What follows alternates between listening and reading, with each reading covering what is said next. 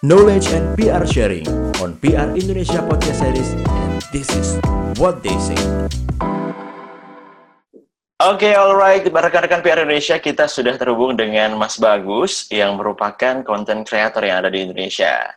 Selamat siang, Mas Bagus. Selamat siang, Mas Aris. Gimana kabarnya, Mas?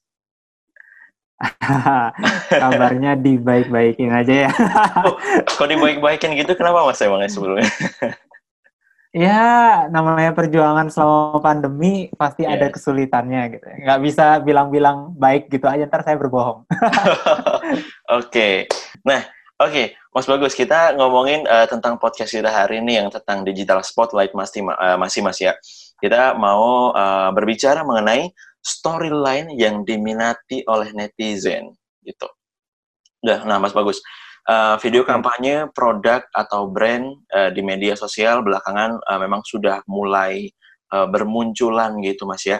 Dan uh, inline dengan strategi PR atau public relations dari sebuah perusahaan hmm. video telah merevolusi cara kita untuk mengkonsumsi sebuah konten gitu. Karena melalui video atau melalui ya video itu kita bisa mendapatkan informasi yang edukatif dan juga menghibur juga. Jadi pesan yang disampaikan lebih kena gitu ya kepada audiens atau targetnya. Nah, menjadikannya uh, video ini menjadikan metode persuasi yang efektif yang pada gilirannya membuat kampanye perusahaan atau brand Anda jauh lebih menarik. Nah, jadi video ini mampu uh, menyampaikan pesan atau mengkomunikasikan pesan uh, tertentu yang diinginkan oleh perusahaan kepada audiensnya semakin menarik sehingga engage uh, dari video tersebut atau uh, engage dari pesan komunikasi yang disampaikan oleh perusahaan semakin naik gitu, Mas. Nah, berdasarkan data Statista yang dilansir pada Februari 2020 memang dijelaskan bahwa salah satu brand atau perusahaan yang videonya paling banyak diminati oleh audiens atau publik itu adalah Lego. Lego pemenangnya, yaitu uh, selain ada Lego, ada juga Coca-Cola, ada brand fashion ternama seperti Channel, dan juga kemarin Lego sempat upload video yang uh, yang terbilang sebenarnya simple sih mas ya sebenarnya.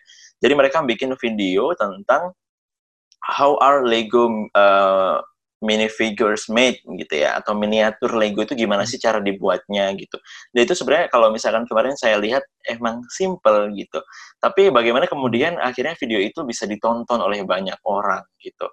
Menampilkan behind the scene pembuatan Lego dan videonya dalam beberapa hari saja bisa dilihat ratusan ribu audiens gitu itu yang mungkin bisa menarik gitu ya, bisa hmm. dikatakan menarik dan sehingga akhirnya di data statista pada Februari langsung dimenangkan oleh Lego gitu. Uh, pertanyaannya Mas Bagus ya. Nah, bagaimana hmm. sih membuat konten video yang bukan hanya dapat menyampaikan pesan dari sebuah brand, tapi juga diminati oleh audiens atau netizen. Karena kalau kontennya tidak menarik, tentu pesan yang uh, disampaikan oleh sebuah brand tersebut tidak akan mungkin bisa tersampaikan. Gimana, Mas Bagus? Setelah konten kreator pasti sudah perlu banget okay. dengan hal ini. Sebenarnya kalau kita ambil secara general ya, Aris ya. Mm -hmm. Kalau misalnya kita ambil secara general tanpa harus melihat uh, biasanya kan ada beberapa pertimbangan, terutama di sosial media itu harus mempertimbangkan kira-kira siapa sih target marketnya. Pertama itu, apakah target audience atau followers kita sudah sesuai dengan uh, target audience kita. Itu tuh ada di sebelum kita membuat konten video. Jadi itu harus di, uh, difokuskan dulu. Setelah itu, uh, untuk konten video, kalau menurut saya, untuk dari segi brand, sepemahaman saya dari uh, materi dan branding juga itu ada namanya super A. Jadi read, P-nya persuasif, E-nya entertaining, R-nya relevan, dan A-nya acceptable. Itu uh, enam kunci sebenarnya kalau untuk uh, di video ya terutama ya. Di video uh, gimana caranya kita bisa membuat konten yang istilahnya uh, mengandung enam poin tadi. Oke. Okay. Tapi ini ba uh, balik lagi, iya super A, super simple, A, okay. unexpected, persuasif, entertaining, relevant, dan acceptable. Okay, Itu ada enam kuncinya. Tapi uh, kalau misalnya kita menarik dari poin uh, apa ya media yang sekarang populer yaitu sosial mm -hmm. media, kalau kita nariknya ke arah sana, sebenarnya itu cuma cukup uh, mengandung mungkin tiga atau sampai empat poin aja itu udah cukup. Kalau dari uh, apa pengamatan saya ya, yeah. dari tiga dari enam poin tadi, kalau misalnya sudah terpenuhi, ini khusus untuk video yang uh, awarenessnya hanya di sosial media ya, yep. hanya membutuhkan sekitar tiga poin tadi untuk membuatnya menjadi lebih menarik. Kurang lebih seperti itu. Kalau misalnya mau uh, soal video, gimana yang bagus dan menarik untuk audiens. Tapi tetap balik lagi melihat dari tren yang ada. Biasanya kan itu yang jadi uh, lima detik pertama orang memutuskan untuk tetap nonton atau enggak. Kalau di sosial media kan ada uh, namanya saya lupa istilahnya. Yang jelas intinya tuh lima, lima detik pertama ketika orang nonton video itu harus sudah menarik dan uh, orang ngerasa pengen ngelanjutin videonya. Itu sih yang penting. Yes, benar. Setuju juga sama Mas Bagus. Lima detik awal itu hmm. proses untuk mencuri perhatian audiens gitu, Mas ya. Iya, betul. Nah, cuman mungkin kalau misalkan dari Mas Bagus sebagai kreator gitu ya, uh, lima detik video pertama itu yang paling mencuri apakah audiens itu stay or leave gitu ya. Kalau misalkan ya. dalam dunia MC gitu ya, mungkin lima detik awal itu juga apakah audiens mau mendengarkan kita apa enggak? ya. Susah juga sebenarnya ya. Mungkin bisa ya, nanti meng mengadaptasi dari uh, salah satu ini ya acuannya Mas Bagus yang Super 8 hmm. tadi. Nah, Mas Super 8 tadi ada apa aja tadi Mas? Ada simple, simple ada unexpected, unexpected, mm -mm. persuasif, yep. entertaining, uh -uh. relevan, mm -hmm. dan acceptable. Oke, okay. oke. Okay, ada simple, ada unexpected, ada persuasif, entertaining, relevan, dan acceptable. Itu yang biasanya digunakan sama ya, itu mas. Itu untuk uh, secara keseluruhan ya.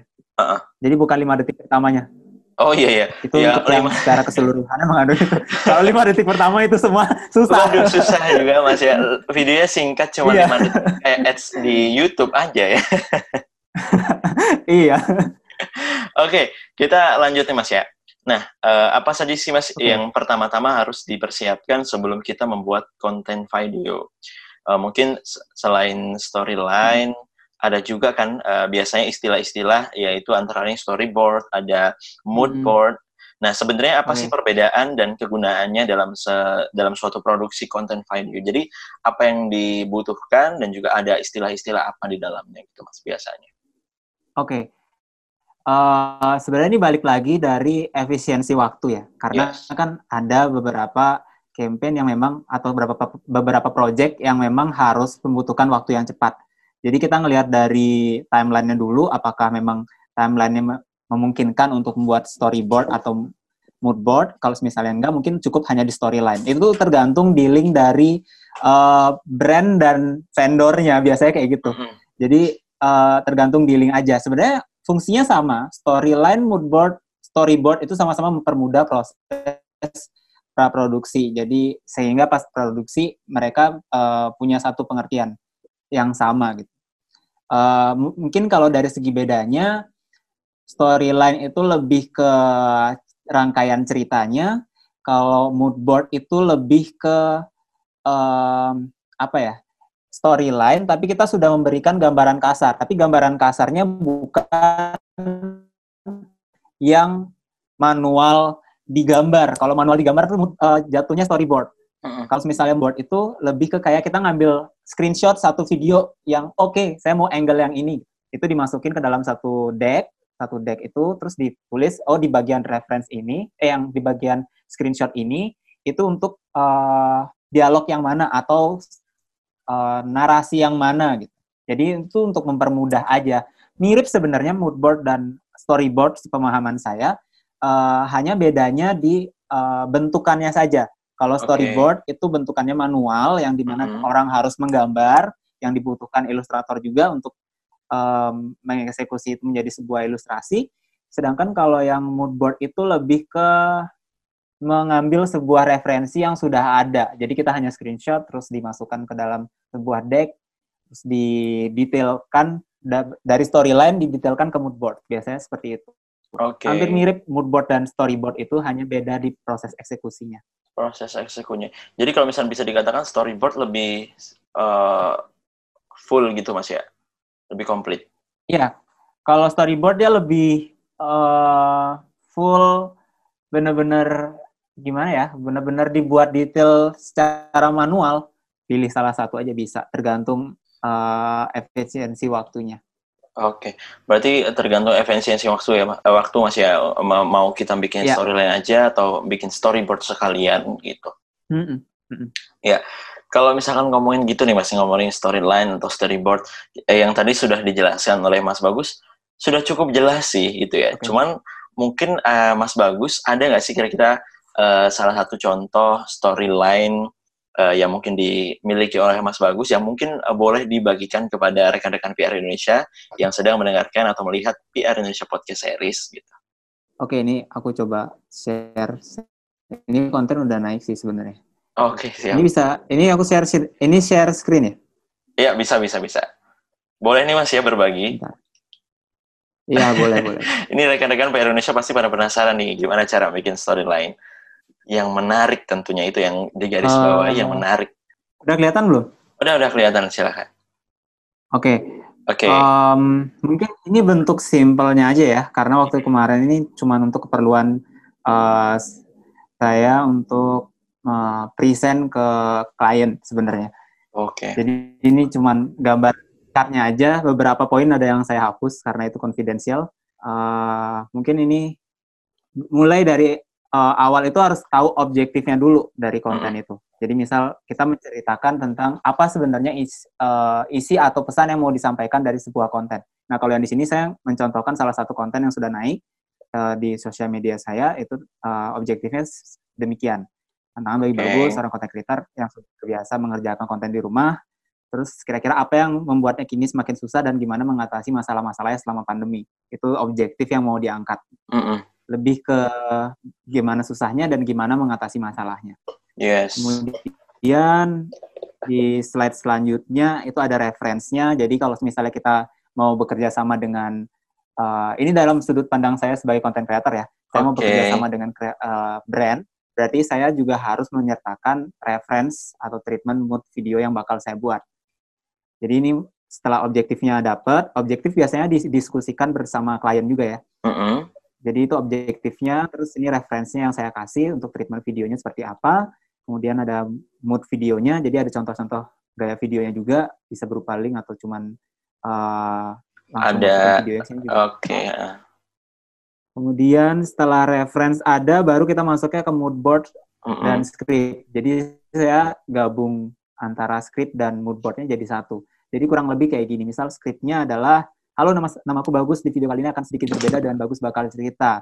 Nah, apa kira-kira visualnya? Visualnya kita ben- eh, ambil dari screenshot-screenshot video yang udah dibuat atau mungkin dari video orang lain. Jadi istilahnya Oke. kita buat screenshotnya biar ada gambaran visualnya kira-kira apa yang akan terjadi di scriptnya yang ini. Script ini. Oh ini namanya mood board itu mas ya. Jadi Iya, bisa ini melihat. Oke. Jadi dia turunan dari skripnya. Tuh, eh, Yep. sorry. Turunan dari storyline. Storyline.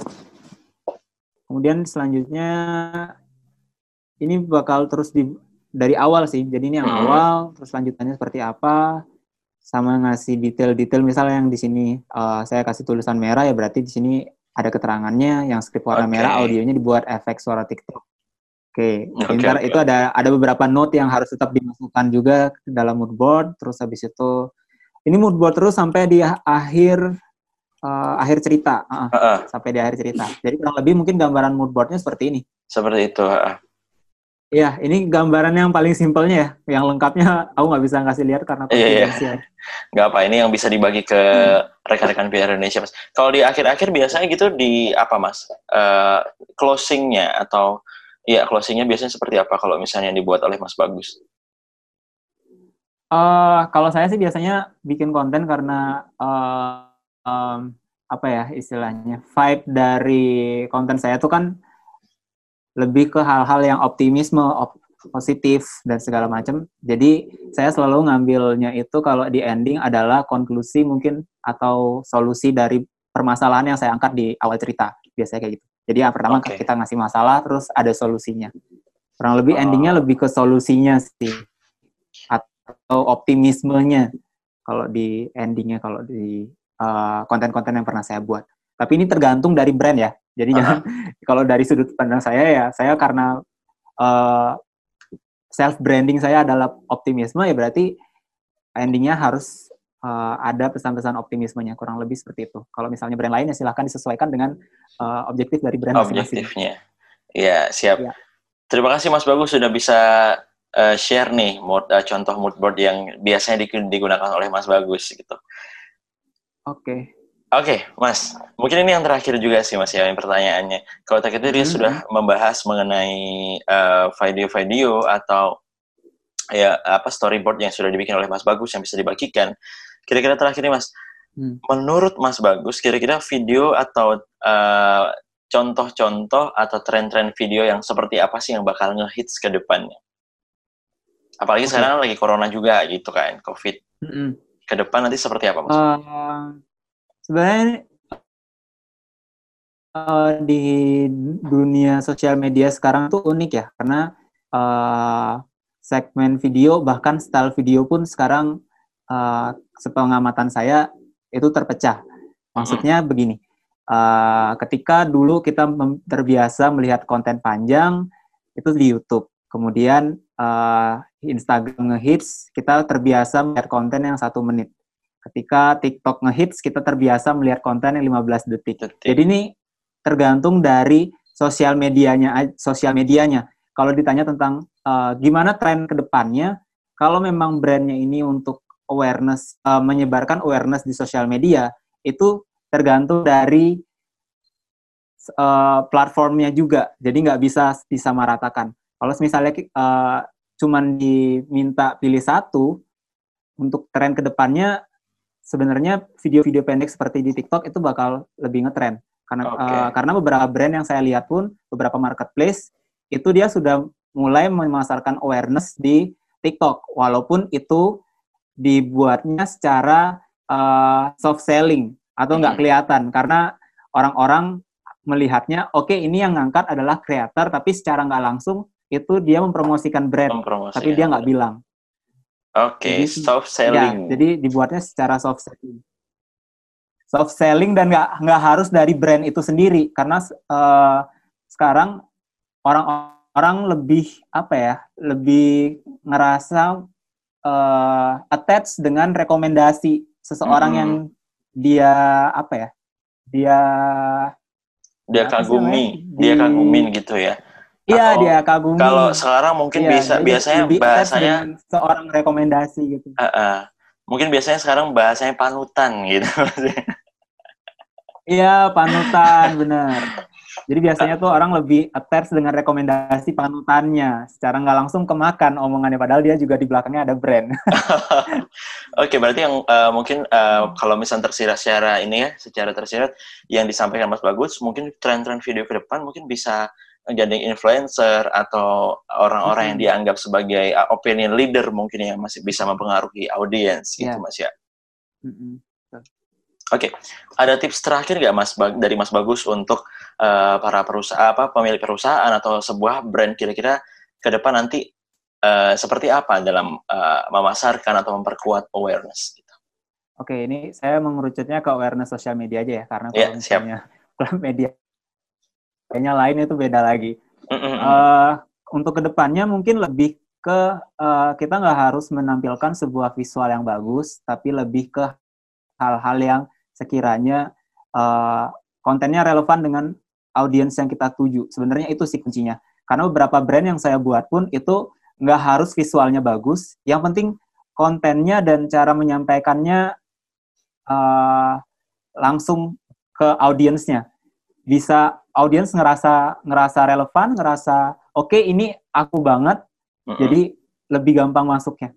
Mungkin lebih ke eh, sesimpel kayak kita lagi eh, ngevlog atau kita lagi apa ya menggunakan ngerekamnya hanya menggunakan smartphone. Ini kita ini saya merelatekan dengan pandemi juga ya. Jadi kan orang-orang nggak bisa produksi besar-besaran juga. Jadi kayak uh, produksi yang hanya uh, simple aja yang nggak harus memerlukan pro, uh, jumlah cost yang besar juga uh -huh. untuk produksi itu sebenarnya juga bisa bisa membuat orang relate juga jadi nggak harus nggak harus dengan visual yang bagus yang penting cara menyampaikannya tetap sesuai dengan tren yang ada lah oke okay. bisa juga dikatakan uh, harus mendekatkan proximity antara audiens juga mas ya biar audiens juga ada empatik terhadap video yang sudah ditayangkan gitu. Mm -mm, betul. Oke, okay. Mas Bagus, kayaknya udah cukup. Sebenarnya harusnya lebih panjang lagi, Mas ya. Cuman kita sudah terbatas oleh waktu juga. Jadi uh, Mas Bagus, okay. terima kasih banyak sudah uh, berkenan untuk bisa menjadi uh, atau sharing-sharing di BR Indonesia Podcast Series, yakni di uh, Digital Spotlight tentunya. Nah, bagi rekan-rekan PR Indonesia yang uh, mungkin penasaran kira-kira gimana contoh-contoh video yang sudah diproduksi oleh uh, Mas Bagus, kira-kira seperti apa, mungkin bisa menjadi referensi. Mungkin uh, Mas Bagus bisa dikenalin kira-kira apa uh, apa namanya portal-portal karyanya Mas Bagus. Di mana oh, aja? Kalau portal karya kalau portal karya terbanyak sebenarnya ada di Instagram, bisa oh, ada di Instagram. Instagram sangat bagus kalau di YouTube baru beberapa karena belum konsisten di situ, jadi di Instagram aja. Oke, okay, di Instagram. Baik, siap. Jadi rekan-rekan Indonesia jangan lupa untuk kunjungi Instagram dan juga buka uh, lihat-lihat juga dulu uh, referensinya dari uh, Instagram yang bagus di @sangatbagus bisa di bawah ini juga. Nah, jadi nanti teman-teman bisa atau uh, para pemilik perusahaan, mungkin PR-PR perusahaan untuk menjadikan referensi uh, video pemasaran ataupun memperkuat brand mungkin bisa melihat nih gimana uh, referensi-referensi video yang ada di Instagram Mas Bagus di @sangatbagus. Mas Bagus, terima kasih sudah berkenan untuk uh, bergabung dengan podcast kita. Ya, Sukses selalu Mas. mas Sukses selalu Mas ya. hmm. ya. Dan juga stay safe, apalagi kita juga mau masuk ke the new normal era. Jadi tetap okay. stay safe Jangan lupa siapkan alat-alat sesuai dengan uh, protokol kesehatan. Sudah punya, Mas? ada, ada lengkap. Oh, lengkap. sudah ada, udah lengkap. Siap, siap, siap. Ya, baik. Semoga kita bisa uh, nanti uh, bekerja sama di podcast-podcast selanjutnya, Mas Bagus. Ya, terima kasih, Mas Bagus.